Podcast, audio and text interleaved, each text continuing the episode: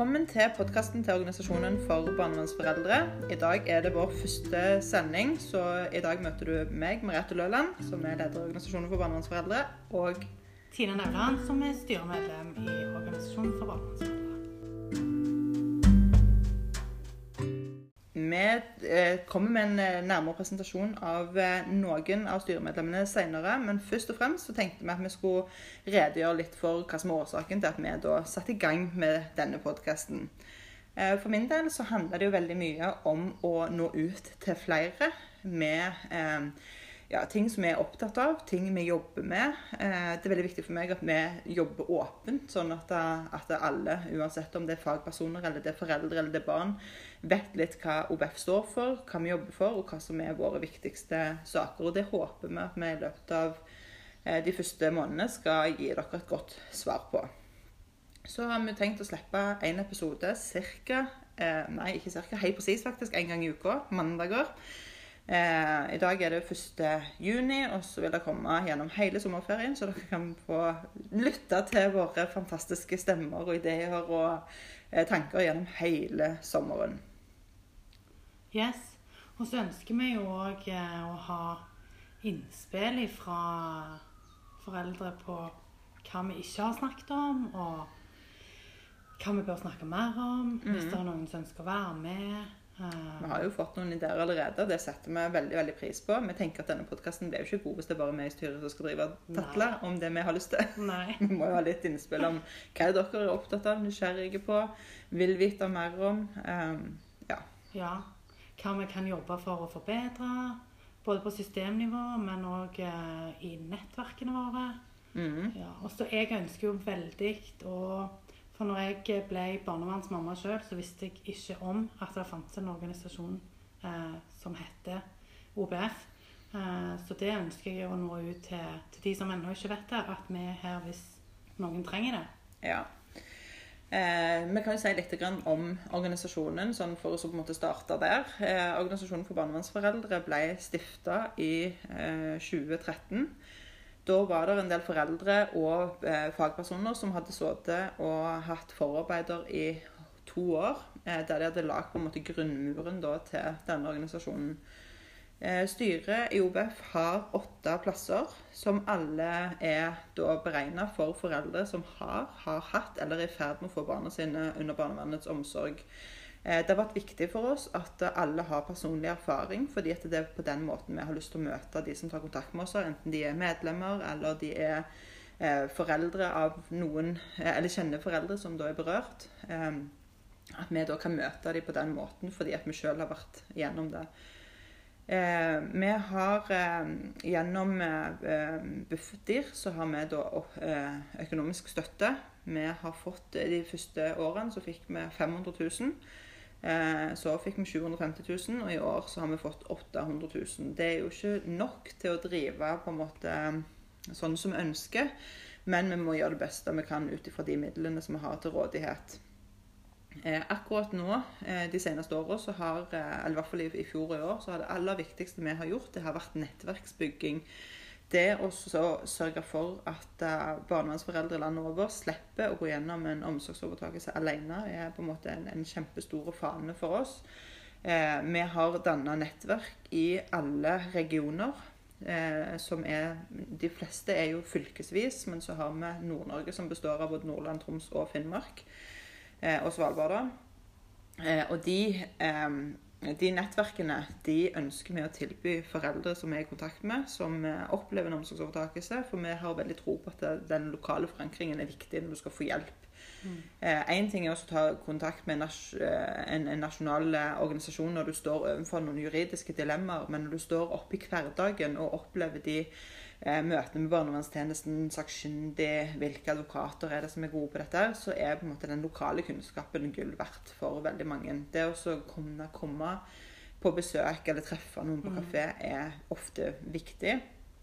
Eh, det er jo veldig mye stigma knytta rundt det å være barnevernsforelder, så det er ikke alltid det du annonserer på Facebook-profilen din at 'nå har barnevernet henta ungene, noen som vil komme på kaffe i morgen'. Så det å tilby foreldre eh, et trygg og, og god plass å, å, dele sine bekymringer og tanker, er kjempeviktig. Så det har vi jobba veldig veldig hardt for. Um, Vi har jo òg eh, noen ting som vi tilbyr foreldre, og det er jo da nettverksmøter. Akkurat nå så har vi jo digitale møter hver torsdag. Det kommer vi til å ha gjennom hele året, fra 18 til 20. Eh, på disse møtene så er det mellom 4 og 20 vil det meste vi har hatt på disse møtene. Eh, så det, er jo, det gir noen ting. Mm. Og så har vi òg noen veldig få steder så har vi òg eh, lokale nettverksmøter som favner mer i, i lokalmiljøet. Eh, ja. ja. Jeg tenkte litt på det du sa nå i forhold til det med det juridiske, og at du annonserer ikke eh, Barnevernet henter ungene mine i går, skal vi ta en kaffe i dag? Men det er de der tingene som kommer så overrumplende på deg etterpå. F.eks. Mm. når du finner en liten strømpe, eller du, en lege som plutselig popper opp. At da er det fint å ha noen eh, å ringe og skrike til. Ja, mm. Eller grine til. Eller at du trenger noen som tar deg med ut på en sykkeltur eller en gåtur, eller Eller skal være med deg på møte med ja. barnevernstjenesten hvis du syns det er tøft. Ja. Mm. Bare rett og slett uh, være ei krykke til vi lærer å gå bedre sjøl. Ja. Eh, så vi jobber jo på en måte på to forskjellige måter i OBF. Vi jobber jo både mot politikere, myndigheter, fagfelt, med, med politikken vår, med eh, fremgangsmåter i forhold til mange ulike temaer som alle berører barnevernsfeltet. Og så har vi jo òg det som er retta mot medlemmer, mot de som er berørte, eh, som er veldig forskjellige. Mm. men men det er klart all den kontakten vi har med foreldre, det bruker vi inn i vårt politiske arbeid. Vi tar med oss historiene som er gode, vi tar med oss de gode eksemplene. Vi prøver å lære av feilene og mm. fortelle barnevernstjenesten at dette er ikke gode løsninger.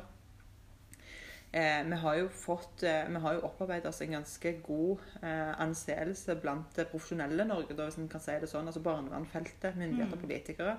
Vi blir ofte invitert inn på disse arenaene. Og for å da kunne belyse det vi står overfor, på best mulig måte, så trenger jo vi de foreldrene som er berørte av barnevernet, til å mm. fortelle hva de opplever. Eh, og, ikke bare hvordan de opplevde det, men òg hvis de har kommet dit at de ser hvordan dette kunne vært løst på en bedre måte. Mm. For det er jo altså Én ting som OVF har vært veldig opptatt av hele veien, det er jo at vi skal være løsningsorienterte. Det å sitte og skyte noen uten å ha noen løsning, det er ofte veldig bortkasta. Så det å heller finne ut hvordan det kunne vært løst på en bedre måte, er mye mer hensiktsmessig. Mm. Eh, og vi ser jo det òg i møter med, med, særlig de øverste myndighetene våre, som type BFD og, og Bufdir. Så er det jo det å komme med løsninger, det å legge de på bordet, får ofte mye mer gehør enn når vi sier 'ikke gjør sånn', 'ikke mm. gjør sånn'. For det, det, da er du liksom på en helt annet sted. Mm. Eh, det er ikke alltid at løsningene våre alene er så godt gjennomtenkt at de bare kjøper det, men de kan på en måte likevel tilpasse det litt, de modellene de, de tenker. Og så Og bruke noe av det. Ikke sant. Og, og, vårt mål er jo at endringen i barnevernet skal skje gjennom samarbeid og dialog mm. eh, med de rette folkene, de som på en måte kan gjøre en forskjell. Eh, ikke med demonstrasjoner og hattog og sånn, for dette, vi tenker at det er ikke det som er veien å gå. Eh, det betyr jo ikke at vi ikke reagerer kraftig når det skjer urett mot foreldre, for det vet vi at det er. Ja. Um, det skjer òg akkurat nå veldig mye godt barnevernsarbeid rundt forbi. Så ja. det som at bare dra det videre og få det til å få en god og sunn praksis, er, tenker vi er kjempeviktig.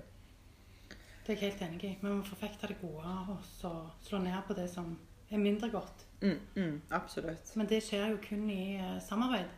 Det er det de gjør. Eh, og da er det forskjell på å samarbeide nasjonalt yes. på de store prosjektene som er landsomfattende, og så er det noen ting vi ønsker mer forankra i det lokale. Mm. Eh, for vi tenker at det, det, er jo det som er praksisnært for de som jobber der. De som jobber i direktoratet, de har jo sikkert ikke jobba i praksis i mange år, så de har bare lest noe og synsa noe og mener noe og er samfunnsvitere og ikke eh, har kjent det på kroppen. Mm. Så det, det, er to ganske forskjellige måter å jobbe på. og ja. Og det du sier der òg med å kjenne det på kroppen, det er så viktig hvis vi skal nå inn til de øverste, så må vi først eh, få med oss de som faktisk har kjent det på kroppen. Det er jo de vi snakker til nå. Det er de vi prøver nå. Ja. Eh, for det, vi tenker jo at alle eh, som har vært gjennom en omsorgsovertakelse, har noe å by på. Ja. Både overfor oss som, eh, som eh, organisasjon, som foreldre for barna sine, som ressurs i barnevernstjenesten, ja. som en likeperson. Altså, vi kan brukes til noe. Vår kunnskap for vi tenker jo at brukererfaringen er gull verdt. Og så er det jo eh, Vi har jo kjent litt på kroppen at det som eh, en kunne ønske var der for oss når vi trengte det, det finnes jo ikke i det offentlige. Nei, det gjør det ikke. Eh, der er mange som eh, hevder at det er bare til å be om hjelp. Hvis du står der og skjønner at livet er veldig tøft, så er det bare å be om hjelp, og så er det noen der. Og det, det har jo vi kjent både innenfor rus at det ikke. Det er ikke innenfor psykiatri, det er ikke innenfor barnevern, det er ikke innenfor noen offentlige instanser. Eh, nå ønsker jo ikke vi å overta ansvaret fra det offentlige på noen som helst måte. Det gjør vi ikke, for vi syns det er viktig at det offentlige tar det ansvaret på største alvor. Men de må begynne å ta det. De må begynne å ta det. Og så kan vi supplere med det som de eh, Altså den, den, kunnskapen vi har, den, den eh, likemanns- eller ressurspersonene som vi kan være, eh, tenker vi er viktige inn i tjenestene for at tjenesten skal bli best mulig. Og tjenestene må våge å gjøre det. Sånn som det er gjort innenfor rus, sånn som det er gjort innenfor Nav, sånn som det er gjort innenfor psykiatri, så er på en måte erfaringsformidlere veldig velkomment inn i arbeidet. Helt sånn som vi ønsker at det også skal være i barnevernet. Så hvorfor er det så mye vanskeligere å gjøre det i barnevernet enn det er å gjøre det i disse andre tjenestene? Jeg vet ikke, men jeg har en uh, idé om at det handler om uh, Frykt? Frykt, ja. Uh, og et system som er så integrert i i samfunnet at det å begynne å rokke med det vil medføre så ekstremt store endringer at Det skremmer noen. Ja, ja. veldig. Ja, det tror jeg òg. Men jeg tror ikke at en finner løsninger på hvordan en skal ivareta disse familiene før en kommer dit at en faktisk må se på foreldrene som en ressurs. Eh, for vi tenker jo at, at i noen tilfeller så er det jo åpenbart gjerne hvorfor barna blir eh, flytta under offentlig omsorg eller barnevernsomsorg, og i noen tilfeller så er det jo helt uforskyldt mm. at det skjer. Eh, og Derfor så er det jo òg viktig at en tenker at alt ikke er eh, like eng. Altså, det er ikke svart-hvitt. Det er mange nyanser her. Og, og det å, å bruke eh, kunnskap altså Uansett tenker jeg at vi kan bruke kunnskapen til foreldre. Hvis du tar meg da som et eksempel i forhold til det når jeg var på mitt verste eh, som hater av barnevernstjenesten og skulle stå i fronten for denne kampanjen jeg mer eller mindre hadde for det da. Da var det jo en far eh, som egentlig hadde de samme følelsene til barnevernet som meg, men så vågte å gå inn og stoppe meg. Hei, nå må du stoppe oss, hva er det du egentlig holder på med? Og det var jo kun da jeg hørte etter. For jeg visste jo at han hadde gått igjennom akkurat det samme som meg. Mm. Uh, og det er jo den kunnskapen og den uh, At han har kjent det på sin egen kropp. Ja, Det hadde ikke vært like aktuelt å lytte til det hvis det var barnevernssjefen i en eller annen kommune Nei, som kom og sa at hør her, nå må du skjerpe deg, ja. for dette er ikke bra for noen. Nei. Det er noe med det at uh, du tåler mer. Og det har jeg hørt så mange ganger på disse nettverksmøtene vi har hatt. at vi har større toleranse for å høre det fra noen som vi vet har vært der sjøl, enn når noen sitter oppe på sin høye hest og så mm. ser ned på oss og som gjør det på en litt ugrei måte. Uh, og jeg husker òg særlig i starten eh, så var jo på en måte mitt valg òg altså Når jeg lette på nettet etter noen og bare fortelle dette her til, mm. så fant jeg jo bare disse her hatgruppene. Og de favna meg veldig godt når jeg var sint. Ja. Men idet sorgen min kom, så følte jeg at sorgen min er ikke plass til. For jeg skulle være sint, jeg skulle være sint, jeg skulle være sint. Og, og, det tenker jeg er veldig uheldig, for du kommer jo ikke noen plass med å bare være sint. Nei, for dette du, eh, du, du, fortsetter jo egentlig å lage det stigmaet på barndomsforeldre som jeg jobber veldig hardt for å motarbeide. At mm. det er ikke sånn at vi er ei gruppe som gjør bare galne ting, som bare er urimelige, som har eh, oppdratt ungene våre på en dårlig måte, en uforsvarlig måte. Vi er mye mer enn det. Og vi skal jo ha en hel podkast senere om hvem er barnevernsforeldrene, og det gleder jeg meg til. For ja. det tror jeg finnes tusen svar på. Det gjør så. Så det ja, vi er store grupper, og vi har mange utfordringer. Mange, men vi har òg enorme ressurser. Ja. Det har vi bare sett på de gruppene vi har lagd rundt forbi. Hvor fantastisk det er når noen som har vært kjempelangt nede i mørket, plutselig ser at det jeg kan bidra med i gruppa her, gjør at jeg kommer meg opp om morgenen. Mm. Jeg eh, har fått meg jobb, jeg har fått mer samvær. Fordi at den gruppestrukturen og det å være til stede for andre når de har det vanskelig, kan bidra med sånne ting. Det, der er ikke noe medisin som er bedre enn akkurat den. Oi, det er helt sant. Og det, da syns jeg plutselig at det er verdt å jobbe de timene det tar for å bygge disse nettverkene, for å komme i kontakt med foreldre. Eh, sitte oppe seint på kvelden, midt på natta og være tilgjengelige for nettopp å få de svarene der. For det, det gagner alle. Det gagner barnet, det gagner foreldrene, det gagner barnevernstjenesten. At foreldre slipper å gå gjennom dette her alene. For det er ingenting som er verre. Blir barnet ditt utsatt for en trafikkulykke, så er det voff, så er sorgteamet i kommunen til stede mm. og ivaretar deg. Eh, mister du barnet i krybbedød, så er det samme kreft uansett. For det, det er på en måte litt sånn legitime måter å bli frat, eller miste et barn på. Da. Mens vi blir fratatt ungene, så er det noe vi har gjort, noe vi har påført barnet. Og da er stigmaet på plass med en gang. Ja. Og så kan snakker det- vi ikke om det, for det er så tabu. Mm, for det er vanskelig. En blir jo ofte dømt når en er en barnevernsmamma. Så jeg husker selv at det å gå over den terskelen der jeg skulle betegne meg selv som en barnevernsmamma, jeg syntes det var kjempetøft. Og Ja. når er du en barnevernsmamma? Altså I mitt hode så er du en barnevernsmamma idet barnet er under omsorg. Ikke Mm. når du får tiltak, men idet du på en måte ikke har den daglige omsorgen. Eh, Og jeg syns det var vanskelig. Jeg synes det var utrolig vanskelig å forholde meg til det. Men den dagen jeg steppa opp på et møte og traff nesten 40 andre foreldre på én og samme fjøl, det tror jeg er den beste dagen i mitt liv. For da begynte Og, og det eh, Da begynte liksom den prosessen eh, som en kunne være gjennom, som gjorde at en slapp å da være sammen med de 40 sinte som var i Rogaland. Um, og, og hvis valget er å stå alene eller å bli sammen med de 40, Mm. så er jo valget veldig lett for mange, for du har ikke lyst til å stå alene. Så det å heller bli sammen med de som nå har blitt hva, 18 000 de er i, Ja, i den gruppa, det, det er jo eh, Det er ikke et vanskelig valg. det det. Eh, Og det må kommunene faktisk ta ansvar for. At når ikke de har noe å tilby foreldre, så er det det Mm. som finnes. Og hat avler ha- hat. Og, og det er usunt for, for de fleste. Ja. Det, det, for meg var det veldig usunt. Eh, Jeg forstår at mange er sinte. Jeg har ingen problemer med å forstå det. Barnevernstjenesten er urimelige i saker. Det ser vi jo i den ene granskingsrapporten etter den andre. Men, men det å jobbe heller konstruktivt eh, for å få det Jeg, jeg har troen på det. Ja, og barnevernet må ta inn over seg at det er et sorguttrykk, og at eh, veldig, veldig mange har problemer med å grine, og det er mye enklere å bli sint. Ja, selvfølgelig, for da er du jo ikke så sårbar når du blir sint og sånn når du griner. Det sa jo jeg senest i dag da Ja. vi satt og snakket ute. At det, det er en stor forskjell på det. Det er kjempe...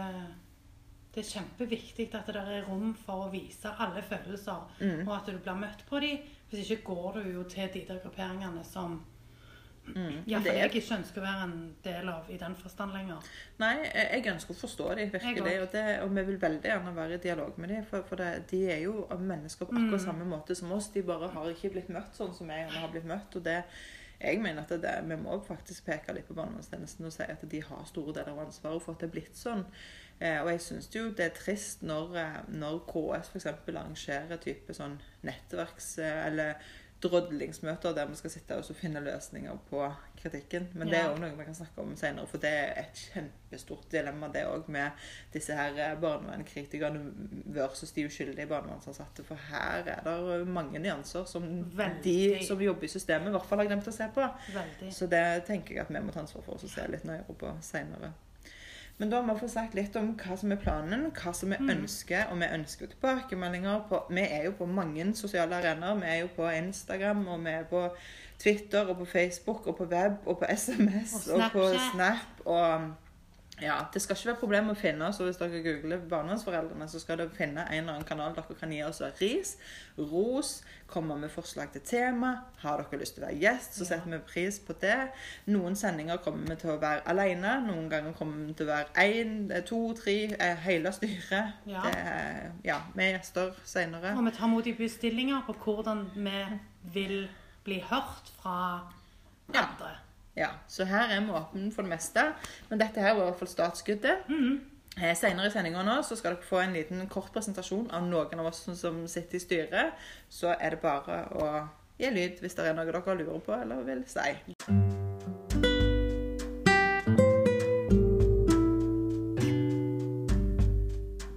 Yes. Da sier vi takk for i dag. Ja, takk for Og i dag. så kommer presentasjonen. Yes. Ha det godt. Ha det.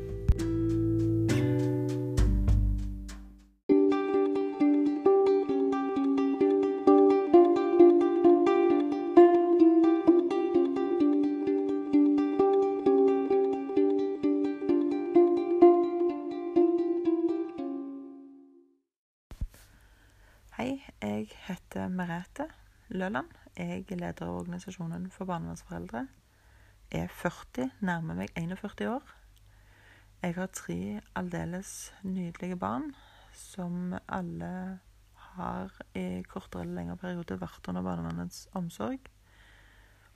Jeg har eh, eh, lang erfaring fra barnevernet sjøl. Eh, min første kontakt var på midten av 90-tallet, sånn at eh, jeg har en lang og brei erfaring. Eh, og det føler jeg sjøl gir meg en enorm eh, fordel i møte med andre eh, foreldre i systemet. Jeg har vært borti ganske mange ting. Jeg har mye bagasje sjøl. Um, jeg har vært borti um, familieråd. Uh, jeg har vært borti akuttplassering. Ufattelig mye hjelpetiltak. Uh, bereds, ungene mine har vært i beredskapshjem. De har vært familieplassert. Jeg har hatt eh, full dag i nemnda, jeg har hatt forenkla behandling i nemnda. Jeg har opplevd tilbakeføring, eh, samvær og de utfordringene det fører med seg.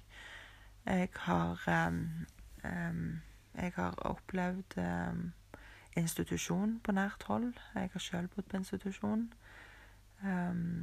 Jeg elsker å lese, så jeg leser mye dokumenter, mye rapporter eh, NOU-er. Så jeg eh, opparbeider meg hele veien erfaring og kompetanse også på områder som jeg sjøl ikke har opplevd personlig.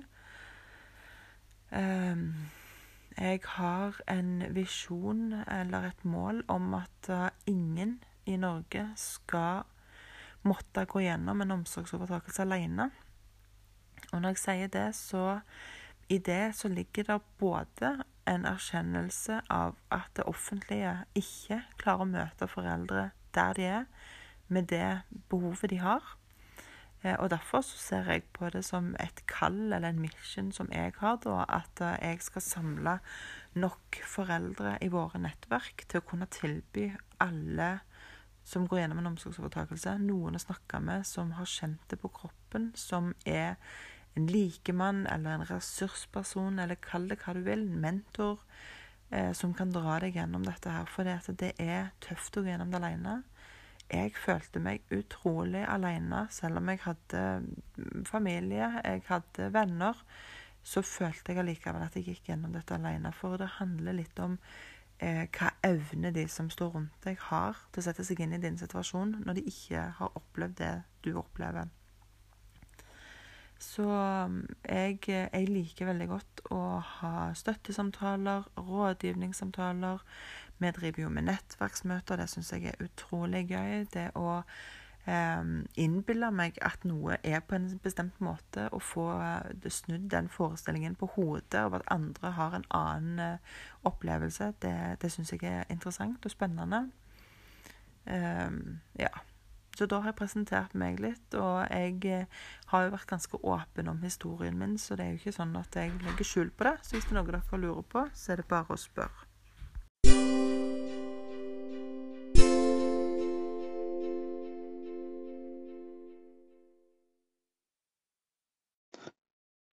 Renate Egebakken.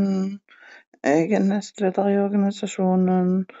Jeg er 35 år og er fra Rogaland. Jeg har to unger som bor i hver sitt fosterhjem. Hun eldste er plassert, nettverk- og familieplassert hos min tante og onkel. Hun yngste er plassert i et ordinært fosterhjem.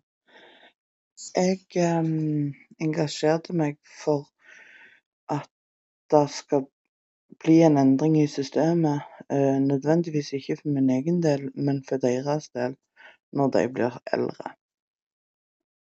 Så derfor er jeg engasjert i det arbeidet OVF fører, og jeg gleder meg virkelig til fortsettelsen av denne, dette kapittelet.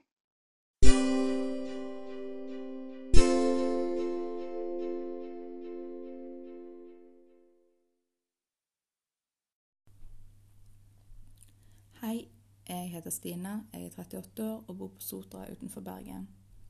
Jeg har en datter på 16 som har bodd fem år i ordinært fosterhjem.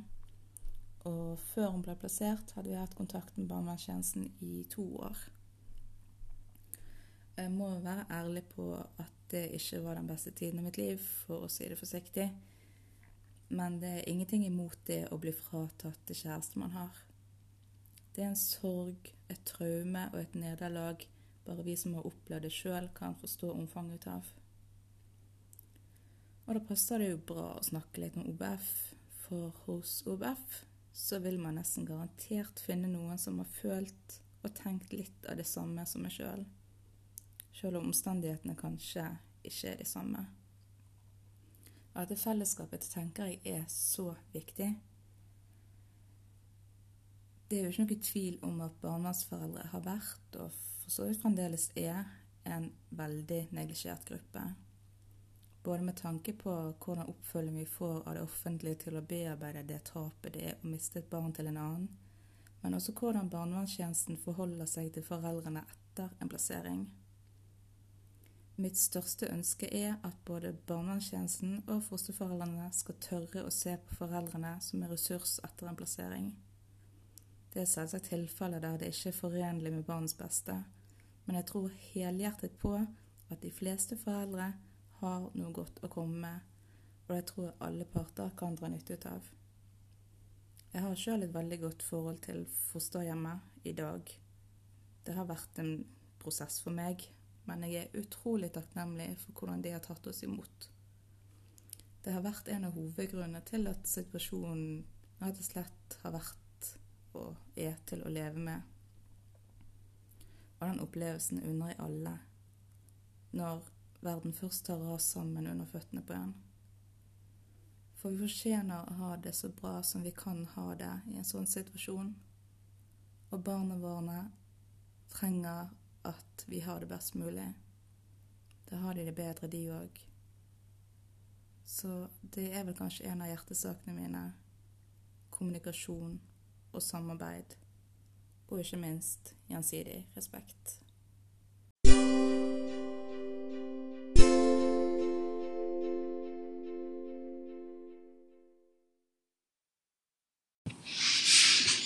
Hei, jeg heter Tina. Jeg er 38 år. Jeg har to barn. Ei jente på 13 og en gutt på 10, snart 11. Jeg tapte i fylkesnemnda, og de fattet vedtak om omsorgsovertakelse i oktober 2016. Ungene mine ble flytta i 2017. Da ble de familieplasserte. Med tanke om at jeg skulle, bare noen måneder etterpå, få de tilbake i tingretten. Barnevernet hadde en ganske dårlig sak i utgangspunktet. For jeg spilte veldig lenge et dobbeltspill i forhold til min rusproblematikk, som de aldri på en måte helt klarte å bevise, da. De flytta 25.11.2016. Samme dagen valgte jeg å gå tilbake til som aktiv rusmisbruker. Heftigere enn noen gang. Og fosterhjemmet forsto da at dette nok mest sannsynlig ikke gikk så bra. Så de sa opp, og ungene mine ble splitta. Sønnen min ble heldigvis tilbakeført til faren, mens dattera mi har blitt flytta rundt veldig mye mellom beredskapshjem og fosterhjem store deler av de åra hun bodde vekke. Men hun landa i et fantastisk hjem med noen fantastiske mennesker som jeg håper vil være en del av livet vårt for alltid. Jeg skulle jo vært i tingretten i juni 2017, men da fikk jeg en telefon fra advokaten min hvor hun sa at Eller ba meg om å trekke saken. Hun er verdens beste advokat, og jeg stoler 100 på henne, så jeg sa ja. Og hun råda meg til å reise i behandling, da. Langtidsbehandling. Jeg fikk et tilbud om å reise i terapeutisk samfunn, som er Norges tøffeste rusbehandling. Dette takket jeg mot alle odds ja til, og det har jeg aldri angret på siden. Jeg har nå vært rusfri i tre år, og gjennom mine prosesser på Veksthuset da, så ble jeg tvungen inn i et samarbeid med barnevernet. Hvor jeg fikk en saksbehandler som plutselig begynte å se meg, Tina, og ikke bare problemet Tina, da. Så når jeg hadde landa i at eh, ungene mine skulle bo vekke fra meg eh, til de var gamle nok til å bestemme sjøl, så mente barnevernet at det skulle, skulle de ikke. Eh, men sønnen min har godt der han er, så han ble værende der. Og datteren min ble tilbakeført i fjor, i juni i 2019. Eh, jeg jobber nå som erfaringskonsulent, eh, primært med foreldre som har barn under offentlig omsorg pga. psykisk uhelse og rus.